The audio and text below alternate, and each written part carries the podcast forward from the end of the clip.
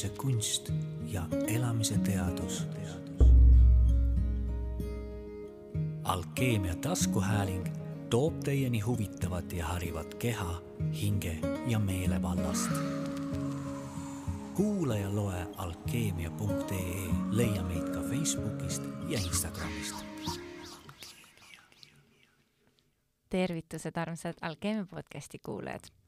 alustame taas uue põneva saatega, sest taaskord on mul külas põnev persoon ja teemaks jällegi midagi põnevat. mina olen Dali Keter-Karat ja minu tänane vestluskaaslane on Alar Ojastu. Alariga räägime emotsionaalsusest, ratsionaalsusest, inimlikkusest ja õnnelikkusest. Alar on nende teemadega hästi kursis, sest on oma raamatu Ratsionaalne emotsionaalsus tarbijaks läbi töötanud palju sellealaseid uurimustöid lisaks muidugi tema arvukad kogemused Eesti meeskondade ja juhtide koolitajana. tere, Alar! tere, Taali! kolm aastat tagasi ilmus sinu raamat Ratsionaalne emotsionaalsus ja nüüd on Pilgrim kirjastus andnud välja juba viienda trüki. kuidas raamat äh, on vahepeal elanud, äh, kuidas see kolm aastat ja see viis trükki sinu jaoks on olnud hmm.? ta on ta on nagu siuke nagu, kui ma mäletan, raamat sai valmis, siis äh, mu sõber Peep Vain ütles, et äh, siis kui raamatu valmis, siis sa pead ta lihtsalt lahti laskma, et siis ta elab äh, oma elu edasi. Ja nüüd ta tundubki, et ta on taustal nagu elanud mingisugust oma elu. Ja seetõttu on raske nagu tunda, ma näen seda sinu käes praegu ja siis mõtlengi, oota, ta ongi nagu täitsa mingi tüüp siin ruumis nagu, et oota, kas mina kirjutasin selle või et, et, et, et ta on nagu, ongi tänaseks tekkinud, kui, kui varem oli tunne, et see on minu raamat, siis täna on tast siuke natuke, see on üks raamat. Mm -hmm. ja, ja, ja soov on loomulikult, et ta jõuaks hästi paljude inimesteni. Ja, ja kuidagi on rõõm, et see viies trükk nagu näitab, et, et inimestel on huvi ja selle sisu vastu ja, ja, ja samas me ei ole talle mingit tohutut turundust kunagi teinud ja et ta siiski kuidagi siukse suust suhu turunduse tulemusena on leidnud tee loodetavasti rohkemate inimesteni, kui ma esialgu nagu kohe oskasin isegi teada. noh, muidu ei oleks ka seda lisa või uue trüki vajadust olnud, onju mm. -hmm see esialgu võib nagu tunduda, et see on äh, eelkõige juhtidele loodud raamat onju, et kuidas siis nagu juhtida ja kuidas siis äh, ongi inimlikult juhtida ja kuidas siis äh, nagu heatahtlikkust ja heasoovlikkust ja kõike seda siukest niisugust äh, positiivsust sinna juhtimisse sisse panna, aga tegemist ei ole tegelikult ainult juhtidele mõeldud raamatuga. nagu me ka enne vestlesime, siis sa oled saanud väga palju kogemu-, äh, neid tagasisidet just nimelt äh, inimestelt, kes ei ole juhid, on ju. mis sa arvad äh,, mida annab see raamat inimestele nagu isiklikus perspektiivis või isiklikus äh, elus, mitte ainult äh, juhi positsioonil? mulle tundub, et sest kui ma esialgu ta üldse kirjutasin, ma kirjutasin teda e-raamatuks. Ja samas kui esimesed inimesed, kes seda lugesid, nad arvasid, see on oluliselt noh, et see on raamatumaterjal, ta ei peaks olema e-raamat. Ja siis, kui äh, Tiina Ristimets äh, luges ka käsikirja Pilgrimi, siis ta ütles, et Alar, et see on noh, natuke tema jaoks tundus see nagu raamat äh,, Sharma raamat, munk, kes müüs oma Ferrari, et, et talle tundus endale, et see lugejaskond on oluliselt laiem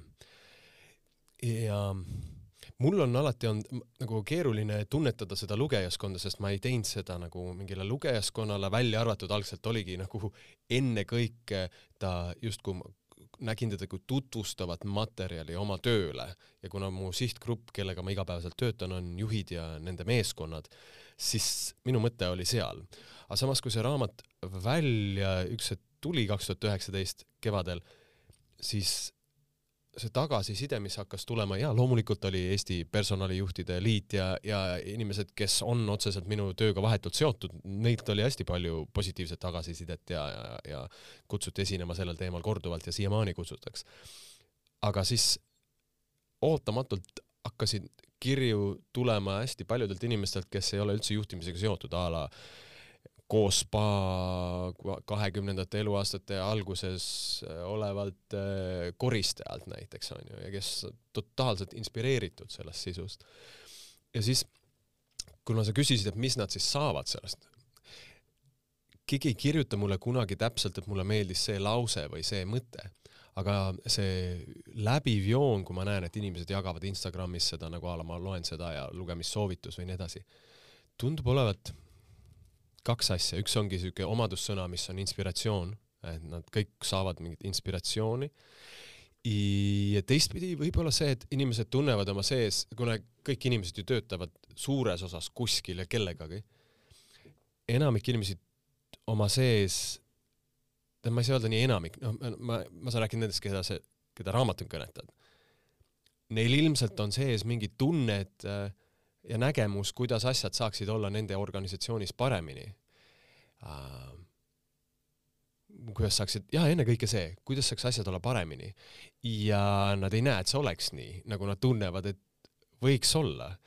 ja korraga siis see raamat on, ma kujutan ette nende inimeste jaoks nagu mingi siukene, keegi räägib minu eest. ja et see ei ole minu sees ainult mingisugune utoopia, vaid et päriselt ongi ettevõtted Eestis, kus asjad on nii nagu oluliselt rohkem sinna suunda, kuidas ma tunnen, et nad võiksid olla. ja ma arvan, et, et noh, kuna ma selle raamatu, noh, ta nimi Ratsionaalne emotsionaalsus, tugevad tulemused pehmetest tegudest, siis minu, noh, see ma sissejuhatuses ka kirjutan, mul oli samamoodi see tunne kuskil kaks tuhat, kaks tuhat üksteist, kaks tuhat kümme, üksteist, kaksteist, kui ma üldse koolitama hakkasin, et saab olla paremini, et organisatsioonid, kui nad pööraks oma töötajatele sama palju tähelepanu kui oma klientidele, siis nad saaks oluliselt rohkem rahulolevad kliendid, sellepärast et need töötajad suhtlevad nende klientidega ja see, mis tundega ju töötaja oma tööd teeb, see on see, mis määrab selle kliendi suhte kvaliteedi ja sisu. ja kuna see oli mu enda algne nagu taju, et siin on midagi, mida noh, see mõte, mida ma just praegu ütlesin, et see, see tundus mulle, et see nii on, aga osad ei saanud aru sellest äh, tähendab, intuitiivselt said enamik aru, aga osad ütlesid, et no aga äkki ikka ei ole, et äkki ja siis see mõtlemine läks ruttu Excelisse tagasi. ja siis ma tundsingi, et mul oleks vaja leida tuge äh, et justkui need inimesed, kes nagu kardavad enda sisetunnet, kardavad usaldust, kardavad usaldada, et, et nagu aja võtmisel oma inimestele on väärtus, sest seda ei saa mõõta, kui sa nagu oled müügikohtumisel, siis on võimalik see panna mingisugusesse CRM tarkvarasse ja mingite kuude jooksul numbrisse arvutada, palju sellest kohtumisest sulle kasu oli. Ja see, et sa istud oma töötajate, töötajaga ja see sõna paljudele ei meeldi, aga noh, mõte siin lihtsalt kontekstis, see või oma kolleegiga, seda sa ei saa nagu ümber arvutada alati otseselt. Ja siis mõni inimene kardab, et äkki ma raiskan aega, et ma selle ajaga võiksin teha raha nii-öelda, eks ju. ja siis mu fookus, kogu see uurimustöö, mitte üldse esialgu raamatu jaoks, ennekõike oma koolituste jaoks, enda jaoks, oli see, et ku, aga, aga kuidas siis päriselt on, et kuidas leida näited nagu ettevõtetest ja, ja, ja, ja mitte ainult ettevõtetest, vaid üldse, et kas on mingid rahvusvahelised uuringud riigiti, organisatsiooniti, valdkonniti, kus a la on ettevõtted, kus panustatakse võrdselt nii tarbijasse ja klienti kui ka omaenda inimestesse. ja siis mulle lihtsalt avanes lõputu, see võiks, võiks kolm raamatut kirjutada, lõputu tõestusjärjekord, et kui sa panustad oma inimestesse ja pead neid oluliseks ja tead muidugi, et mis see panustamine ka tähendab, siis sellel on reaalne nagu joonealune väärtus ja siis ma kujutangi ette, et need inimesed, kes täna mulle kirju saadavad, kes on, ei ole üldse juhtivatel positsioonidel, siis see raamat justkui on neile nagu, neil on see tunne, nagu mul oli ja nüüd nad korraga leiavad, noh, et keegi on selle töö ära teinud,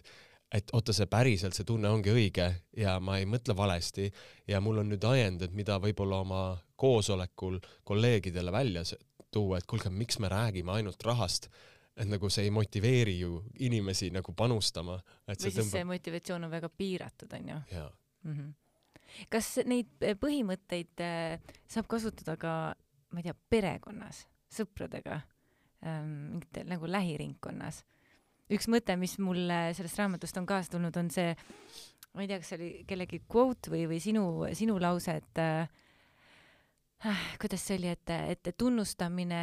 nagu, et see tunnustamise olulisus, et see eelneb hea sellele nii-öelda edukale mingile tegevusele, mitte ei järgne, lause oli seal, et tunnustamine on heade tulemuste eeldus Eel-, mitte tagajärg. just, jah, et see kõlab sellise printsiibina või, või siukse põhimõttena, mida tegelikult saaks ka ju äh, pereellu üle võtta, Mhm. mitte ainult tööellu ja Mhm. mitte ainult kolleegidega kasutuses hoida noh, näiteks mm. -hmm. jaa, sest me kipume ju ja ma, ma räägin endast siis, ma kipun kindlasti olema hästi halb tunnustaja, et ma kipun nägema äh, tihti, noh, võtame mingi lapse, väikse lapse, onju, joonistab lõvi ise hullult rahul, mina vaatan kole lõvi onju ja siis tundub, et miks ma teda kiidan, kui see on halvasti tehtud, et äkki, sest see hirm on, kui ma kiidan seda halvasti joonistatud lõvi, siis äkki ta arvab, et see ongi nagu piisavalt hea ja nüüd peaks siin piirduma arenguga. aga tegelikkuses noh, see ongi see, et, et kui me oleme õpetatud tunnustama ainult väga head tulemust, mõistmata, et igasuguse tulemuseni spordis äh, äh, kus iganes valdkonnas äh, viib ju mingisugune käitumine.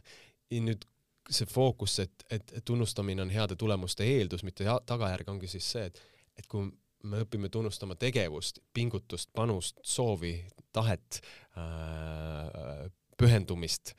siis äh, kui inimene õpib märkama, et aa, et aa, et see, et kui ma tõesti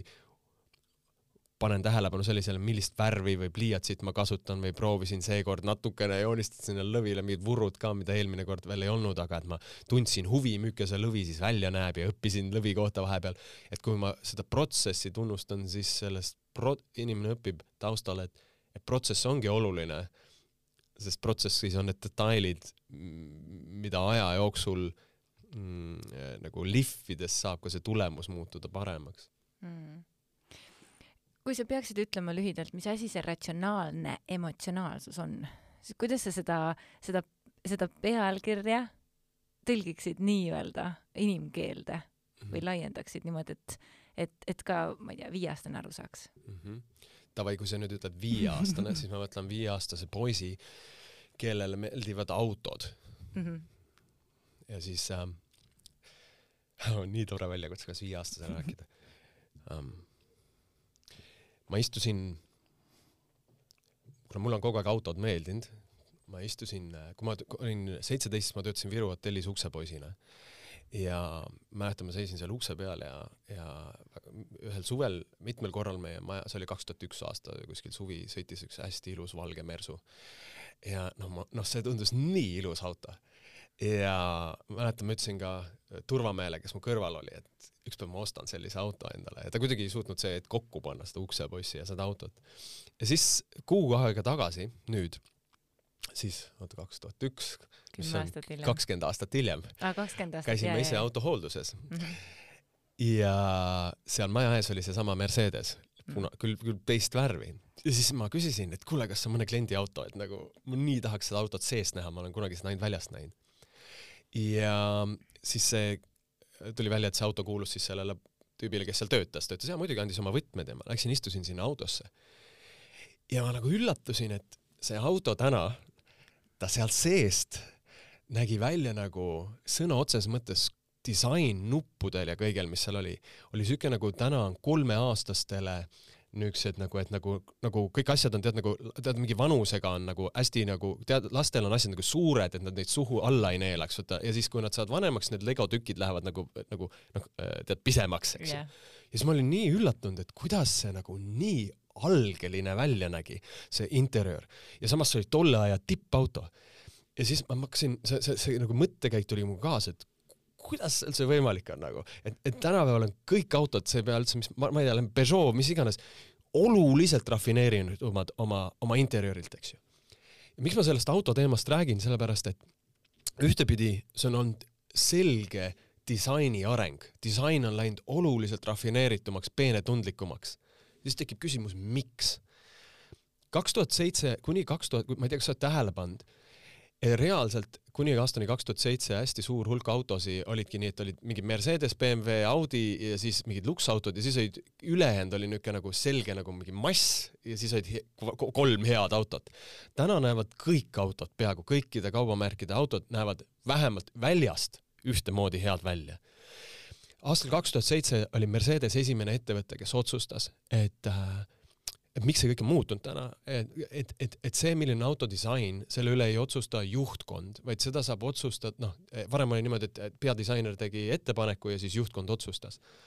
milline see saab siis olema, aga juhtkond koosneb erinevatest inimestest, kellel ei ole üldse kõikidel võrdselt tugevat tunnetust, näiteks kui ma olen raamat, finantsjuht selles, ma ei tea, ettevõttes, suure tõenäosusega ma ei ole veetnud tuhandeid tunde uurides seda, milline disain loob inimeses kõige parema tunde. ma lihtsalt olen numbreid vaadanud tuhandeid tunde, ma arv-, ma vaatan asja hoopis teistsuguse pilguga ja siis, kui Mercedes tegi selle otsuse, ei, see, milline on järgmine auto, see sõltub sellest, mis on meie peadisaineri arvamus, mitte finantsjuhi ega ühegi müügidirektori nagu tunnetus, sest neil ei ole õigust elukogemuse järgi sellele kaasa rääkida, siis sellel hetkel öö, on läinud nagu hüppeliselt kogu autodisain maailmas paremaks. Nüüd autodisain on justkui pehme asi, see disain on ilu kui selline sõna, no öeldakse, ilu on maitse asi ja nii edasi, eks ju. et justkui me ei saa mõõta ilu absoluutselt üheski numbris. Ja seetõttu meil on ilutunne, mitte ilumõte, meil on nagu asi tundub ilus, mitte ma ei saa arvutada, et see asi on ilus, arvuti ei saa öelda, et see on ilus, inimene saab tunda. nii, nüüd me jõuamegi selleni, et aa, huvitav, et äh, miks teha tooteid ilusamaks, järelikult ja kuna noh, tarbijauuringud näitavad, et kui inimesel on valida viie ühe hinnaklassi auto üle, siis näiteks väikeautod, siis valib inimene selle auto, mis talle meeldib välimuselt kõige rohkem. ehk inimene ostab endale asju, mis tekitavad tal kõige parema tunde, mis haakub tema tundega, isegi kui seal on topsihoidjaid vähem, siis enamik inimesed loobuvad sellest ühest topsihoidjast ja ostavad ikkagi auto, mis on osa nende elustiilist ja elust ja näitab, kes nad on inimesena. ja siit me jõuamegi sinna, et see ratsionaalne pool on siin see, et nüüd ettevõtjana, kui ma toodan autosid, siis ma pean nagu aru saama, et hmm, et ilusat disaini, tagatulesi, mis on nagu läbimõeldud, neil ei ole mingisugust funktsiooni, et see tagatuli teeb mingisugust tantsu seal siis, kui sa selle auto käivitad, see puudub igasugune praktiline väärtus. Ja siis sihuke puhtalt ratsionaalne inimene mõtleb, aga mida me panustame selle tagatule nagu lihvimisse, kedagi ju ei huvita. aga kui vaatame nagu numbritele otsa, enamikke tarbijaid huvitav. ehk me jõuamegi sinna, et klient, inimesed ostavad asju, mis tekitavad neile emotsiooni ja kui me ei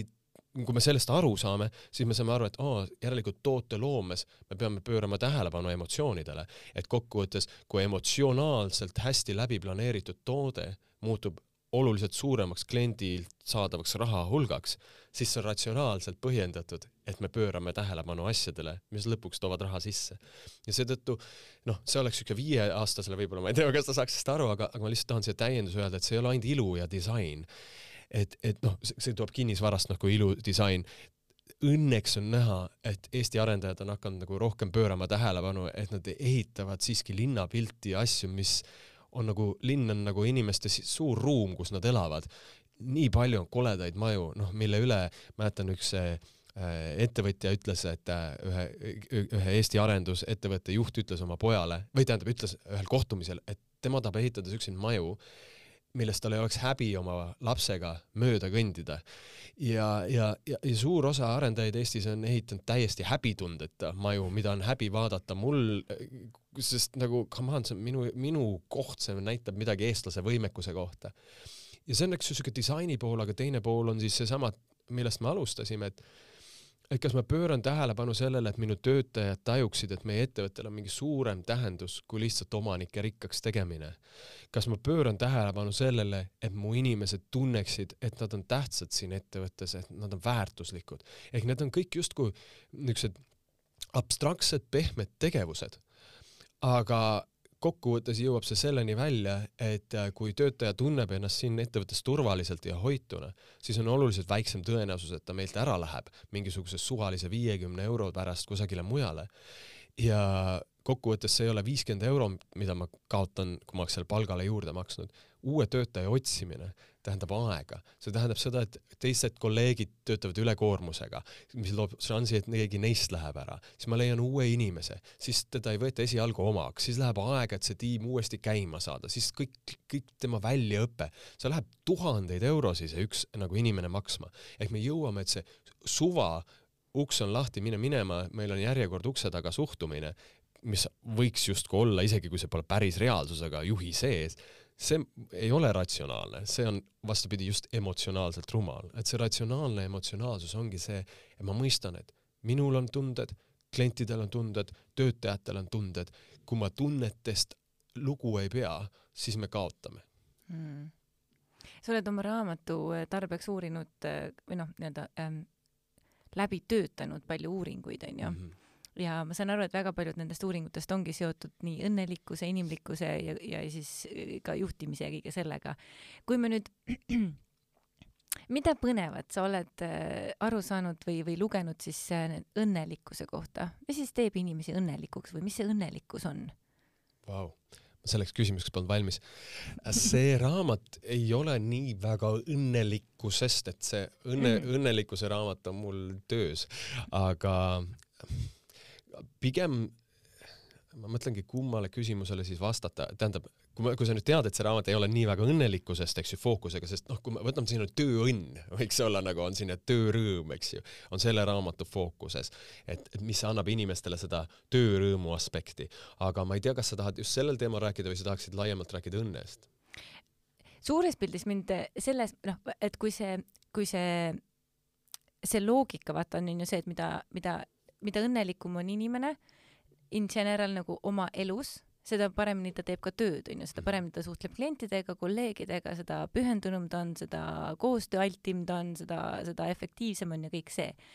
ja siis see on siuke igipõline küsimus onju, et kuidas siis teha seda oma töötajat õnnelikuks. Hmm. Et, et üks ongi need nii-öelda tunnustus, märkamine,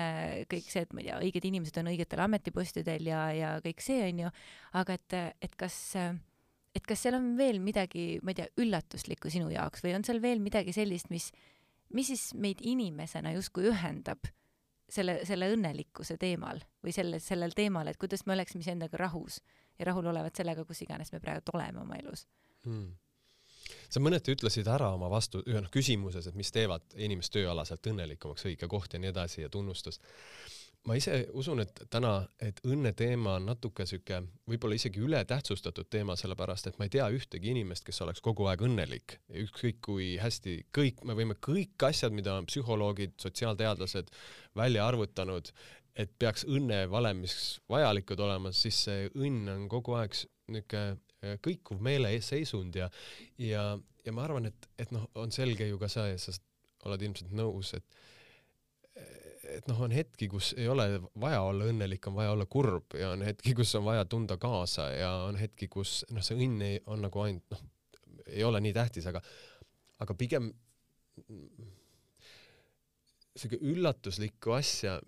võib-olla see ongi minu jaoks olnud enda arengu koha pealt üllatuslik, sest ma minevikus ka ajasin väga palju seda õnne taga. mulle tundus see nii tähtis, aga täna ma olen aru saanud, et see õnne tagaajamine taandub sellele, et, et et on, puudub oskus tulla toime teistsuguste emotsioonidega kui õnn, ehk puudub oskus tulla toime oma õnnetusega. et siis, kui ma olen õnnetu ja enamasti ei tea, et ma ei ole õnnetu, siis ma kipun nagu otsima lahendusi, kuidas olla õnnelikum. et aga see, see, see on juba nagu siuke individuaalne töö, eks ju, et kuidas ma töötan oma, oma raskete emotsioonidega ja siin saab juht olla mul ainult nii palju töö, tõeks, et äh, kui äh, esiteks nagu noh, kuidas on juhi enda hakkamasaamine emotsioonidega. et kui juht on, elab sellises paradigmas, et keep smiling, be happy, siis ta loob paratamatult töökultuuri, kus äh, keep smiling ja be happy võib muutuda toksiliseks, mis tähendab seda, et vot siin on nagu, nagu siuke astmed. kõigepealt on ettevõte, kus sellele ei pöörata üldse tähelepanu. on suva, kuidas töötajad tunnevad ennast. Nad on mingisugune asjad, mingi asendatav kulu. seal on selgelt inimesed õnnetud, sellepärast et, et keskkond saab meie õnnetunnet väga selgelt mõjutada, ehk kui ma tunnen, et mu peale karjutatakse, tõstetakse häält, ma olen täiskasvanud inimene, aga keegi räägib minuga nagu lapsega, alandab mind, siis noh, selgelt ei ole, ma ei tahaks sellele inimesele öelda, et kuule, mine nüüd proovi ja mediteeri, et äh, õpi oma alandatuse tundega istuma, eks ju, et see on su isiksuse arenguseks vajalik ta võib olla nagu osa tema elu väljakutsest sellel hetkel kindlasti, aga ma kindlasti ei soovitaks kellelgi sellises organisatsioonis nagu pikalt töötada, kui juht on nii nartsissistlike omadustega, et ta ei näe nagu vajadust teiste inimeste, noh, see, millest me ennem rääkisime, tähelepanu yeah. pöörata. siis on järgmine tasand, on nii-öelda rohelise astme organisatsioonid, millest ma selles raamatus kirjutan, see on niisugused värvid, oranž, roheline, pruun, punane, et need, mis need tähendavad, et äh, neid saab, kes tahab lugeda, mul on kodulehel alarojastu.com kaldkriips raamat, seal on äh, raamatu esimene niisugune peatükk, mis on ligi nelikümmend lehekülge, on tasuta lugeda, kus on see on nagu justkui ettevõtte arengutasemed, et kuidas me areneme siuksest vägivaldsest organisatsioonist, mis on siuksed äh, ütleme isegi praegu veel kuskil niisugused terroristlikud organisatsioonist, kuhu me läheme siuksesse katoliiklike kiriku organisatsiooni struktuuri, kus on hästi kindel hierarhia, et üleval on piiskop ja siis on preester ja nii edasi. ja siis, kus me tuleme niisugusesse modernsesse oranži organisatsiooni, kus kõik käib selle järgi, et, et ei ole ainult ülevalt eesmärki all elluviimine, vaid üleval on eesmärki ja all mõeldakse koos, kuidas eesmärki saavutada, kuni me siis liigume nii-öelda roheliste organisatsioonideni, kus lisaks sellele, et meil on eesmärk äriline, meil on ka nagu fookus sellele, aga milline on meie jalajälg loodusele, samas milline on meie, mis tunne on meie juures töötada, ehk see happiness'i pool, ehk kas meil on hea olla, kas sa tunned ennast hästi siin. aga see heaolu on siin tulebki eraldada, et heaolu ja õnn on natuke nagu erinevad asjad. et õnn on subjektiivne tunne, heaolu on see, et äh, kontekst, mis saab aidata kaasa sellele, et ma ei tunneks ennast halvasti, näiteks äh, minu heaolu hästi tugevalt mõjutab see, milline on minu füüsiline nagu äh, vorm, eks ju. kui ma olen nagu selgelt ülekaalus või mis iganes üle töötanud, siis mu, ma jään haigeks ja siis, siis see õnn jääb ära, aga jääb üleüldine produktiivsus ära, kõik jääb ära, eks ju. et seega justkui ettevõte saab panustada sellele, et töötajatel oleks äh, ergonoomilised töökohad, neil oleks hea nagu heliisolatsioon, neil oleks värske õhk, värske toit, kõik asjad, mis saavad neid toetada, et nende keha funktsioneeriks hästi, eks ju, et neil ei oleks põhjust olla õnnetum asjade tõttu, mida saab vältida. Nüüd, aga see ei tähenda veel, et inimene ise muutub õnnelikuks, see on lihtsalt, me saame ära võtta nüansse, mis saavad õnnetust juurde luua. Ja, ja kui õnnetus tekib, siis inimene hakkab äh, automaatselt tema mõte mõtted enam ei ole nii selged, kui nad võiks olla siis, kui ta probleemidega ei pea tegelema. nüüd ja, ja, ja siis sellistes organisatsioonides tavaliselt on paika pandud põhiväärtused ja väärtuste hulka üldiselt kuulub rohelistes organisatsioonides teineteisest hoolimine, lugupidamine, kuulamine, ülitähtsad asjad, kohe jällegi, et kui, kui, kui, kui ma tunnen, et minu arvamusega arvestatakse, siis minu nii-öelda, kuna karjäär on nii suur osa minu elust, siis ma siiski tunnen, et ma arenen ja kasvan, et sihuke paigaloleku tunne sellest, et ma lihtsalt kedagi ei huvita, ma lihtsalt käin ja teen mingeid liigutusi töö juures, see tekitab hästi palju frustratsiooni, onju. et, et need on hästi paljud asjad, mida nagu juhid saavad omalt poolt teha. aga nüüd tulebki nagu sisse minu meelest siuke juhi isiksuse arengu pool, et kuhu juht ise on jõudnud. et senikaua, kuni juht on siukses kohas, et ja tema kolleegid on sarnase koha peal, et et siuke oleme happy'd, oleme positiivsed äh,, tunnustame, see saab olla nagu mingi aeg nagu uute oskuste õppimine ja fun. aga siis mingi hetk tekib see, et, et igasugune eneseabipraktika, igasugune keep smiling, igasugune tänulikkuse praktika, kõik asjad, millest ma väga paljudest ka siin raamatutes kirjutan just ettevõtte kontekstis, kuidas tänulikkust kasutada ja nii edasi. ja, ja teeme mingi annetustegevusi koos. Neil on niisugune best before ehk see tähendab seda, et varem või hiljem inimesed jõuavad sinna, et okei okay,, ma teen kõiki neid asju, aga midagi on ikkagi puudu. ja, ja, ja see on mingi sihuke sisemine tunne, et ja ma olen tänulik ja mulle meeldib mu töö ja mulle meeldivad mu kolleegid, aga ma ei saa aru, et mul on midagi nagu viga, mul on midagi veel. ja noh, nüüd ongi küsimus, et, et kui me võtame selle juhi ja tema meeskonna, kurb on see, kui sinna jõuab kõigepealt meeskonnakaaslane, minu alluv oletame, ja mina sinna ei ole veel jõudnud, siis üldiselt, kui ma olen endiselt selles usus, et äh, rõõm on ainult otsus ja kui sa nüüd oled õnnetu, võta ennast kokku, tee mingi, mine jooksma ja, ja, ja naerata rohkem ja loe mõni positiivne raamat läbi, siis ma tegelikult äh, panen inimese sinna olukorda, et ma ütlen, et tal on midagi viga sellega, et ta ei tunne ennast hästi, on midagi valesti ja inimene tunneb ise ka, et temaga on midagi valesti. ja see valesti olev tunne omakorda kutsub esile häbi ja suutmatust, sest sa vaatad, et justkui kõik su ümber naeratavad, on rõõmsad, aga sina ei suuda seda, et mis mu viga on. ja see omakorda paneb su võitle-põgene protsessi, mis hakkab looma sulle vaikselt esialgu nagu depressiooni esimesi nagu staadiumeid. ja selle lõi sulle väga hea soovlik juht, mõistmata, et inimeste äh, vaimne tervis äh, sõltub sama palju sellest, et ma keskendun positiivsele ka sellest, et mul on tööriistad ja teadmised, et mul võivad tulla erinevatel eluetappidel, kas perekondlikel põhjustel, mingisuguse mineviku trauma aktiveerimise tõttu, mingisuguse sõprussuhte tõttu, see, mis mul, võib-olla abikaasa on haige, võib-olla abikaasa jätab mind maha, mul võivad tulla tagasilöögid, mida ma ei ületa lihtsalt positiivse mõtlemisega. ja mis need tagasilöögid lükkavad kõik minu senised tööriistad justkui neil ei ole enam kasu ja siis ma olen mingis augus enda sees. ja, ja, ja nüüd nagu ideaalne, loomulikult tore, kui inimesel on tööriist, et oskab seal ise välja tulla, onju. nüüd võtan korra, panen, ma tahan selle kõik, ma ise ka avastan, ma ei ole seda juttu ennem rääkinud, kuhu see viib. siis ma võtan nüüd korra, panen selle versiooni töötaja pausile, siis on see juht ise, onju. mul on üks väga lähedane sõber, kes on, kes on juhtinud super edukalt Y-generatsioon, valdavalt Y-generatsioonist, Y-generatsioon siis inimesed, kes on sündinud vahemik kaheksakümmend kuni kaks tuhat kaks, kelle suhtes kehtib see, et nad justkui vahetavad rohkem töökohti kui teised. aga tema on see juht, kes on suutnud hoida peaaegu kümme aastat selle Y-generatsiooni nagu täielikult noh, kaadrivoolus on minimaalne. ta on taganud kõik selle, et meil on suur mõtestatus oma tööl, meil on ülihea tiim, me tegeleme nagu enesearenguga, nagu kõik on paigas. aga siis umbes poolteist aastat see juht jõudis iseenda sees arengukriisi, et kõik, mis oli aidanud, elam ei aidanud, kadus ära töörõõm, kadus ära soov inimestega üldse kokku saada, inimestega suhelda, kadus ära seksuaalsus taustalt, kadus ära vaimustus oma hobide vastu, kõik kadus ära, niisugused depressioonile nagu sarnased tunnused. ja, ja, ja sellel tasandil on juhil ülikeeruline väljakutse, sest tema töötajad võib-olla on selles paradigmas, kuhu ta ise nad treenis ja siis töötajad võivad tunda, et su juht veab sind nüüd alt, sest ta ei ole enam sinu jaoks olemas sellena,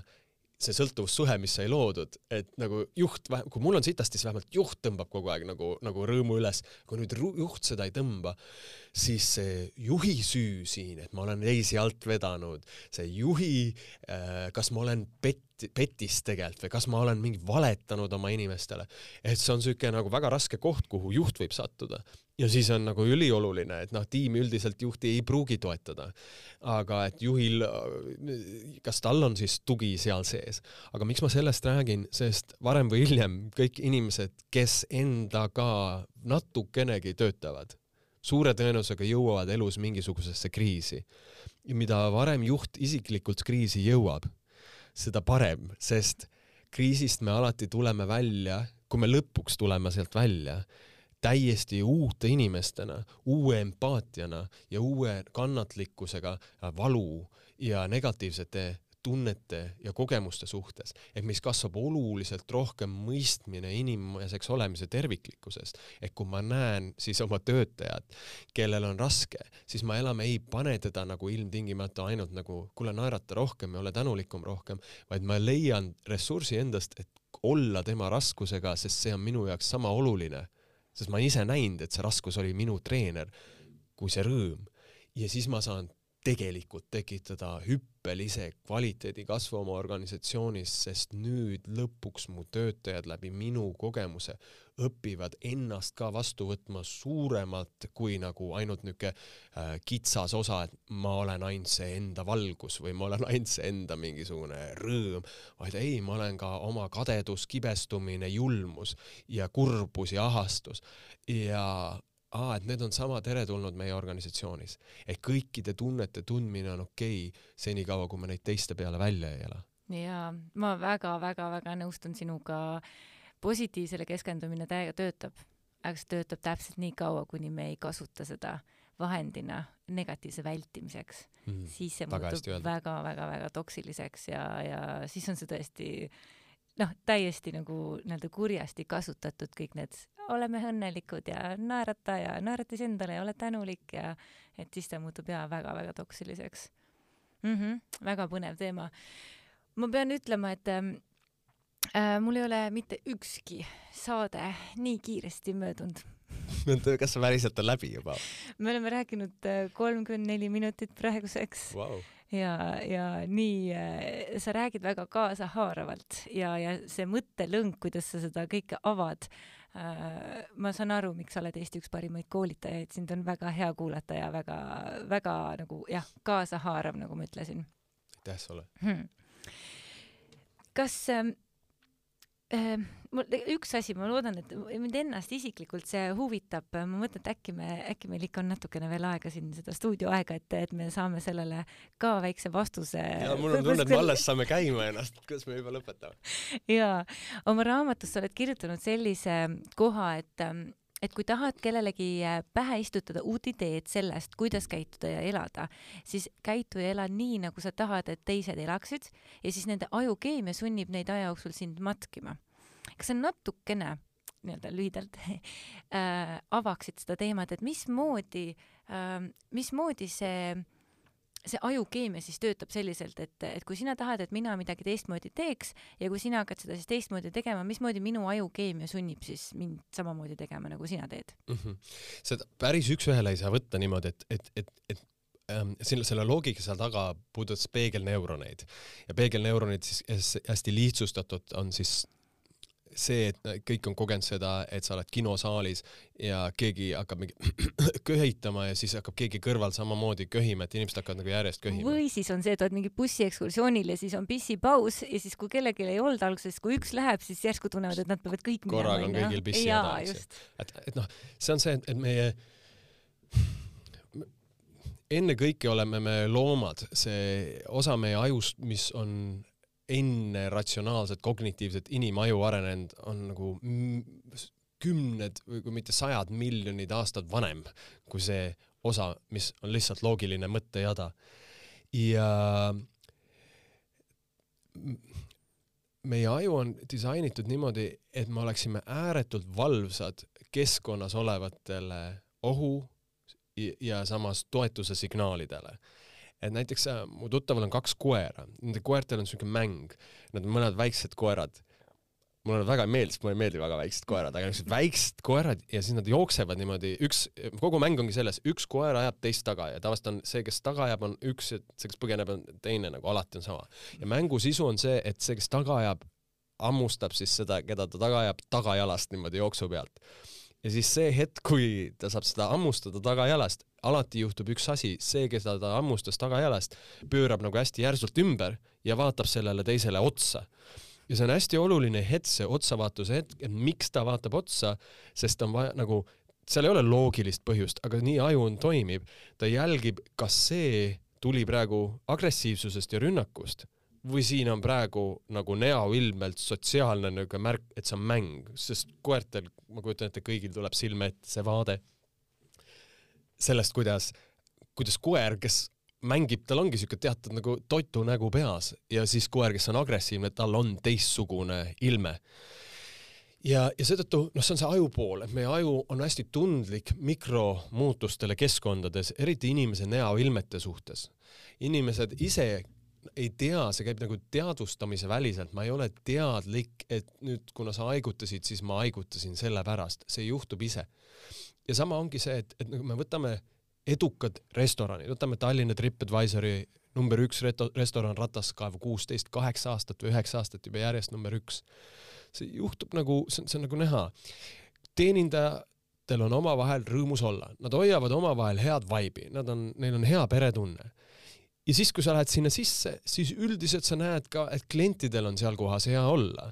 ja siis tekibki aja jooksul see, et, et see koht, kus on ülihea teenindus, seal üldiselt on ka kliendid meeldivamad ja kus on suvaline teenindus, seal on ka kliendid ebameeldivamad. et nagu, kui ma olen kassapidajaga kes räägib muga nagu hullult, no okei okay,, ma toon näite, mul eile ma helistasin hotelli ja küsisin midagi ja müügiosakonna inimene rääkis minuga ja tema hääl, ma ei pea isegi inimese nägu nägema, see tuleb ka läbi vokaali ehk hääle. ta rääkis nagu nii,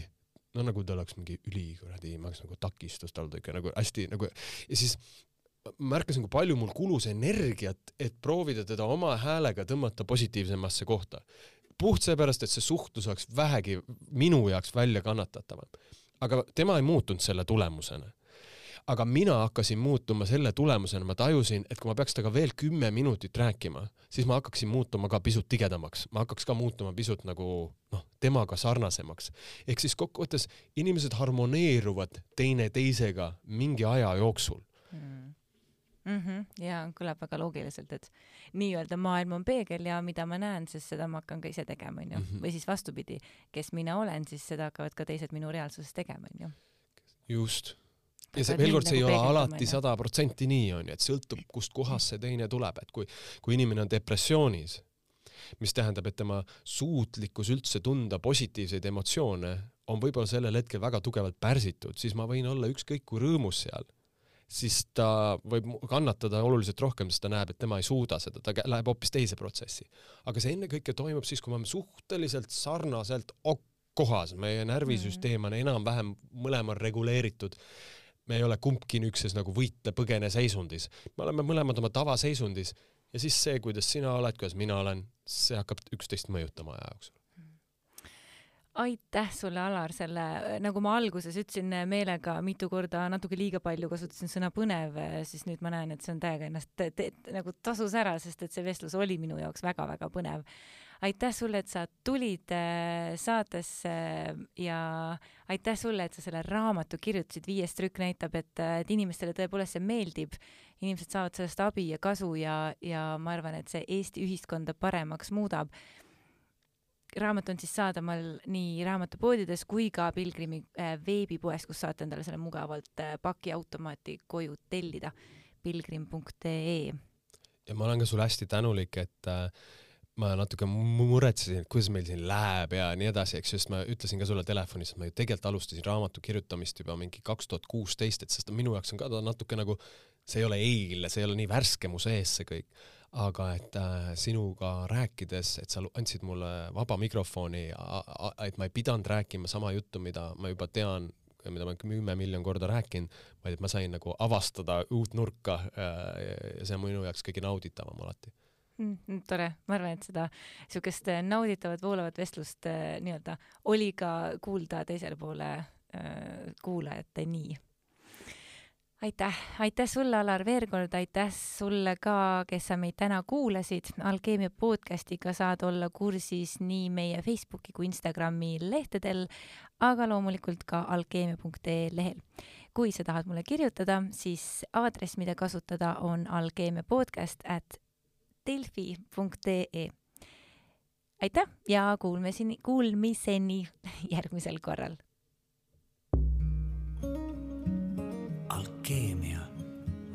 muutumise kunst ja elamise teadus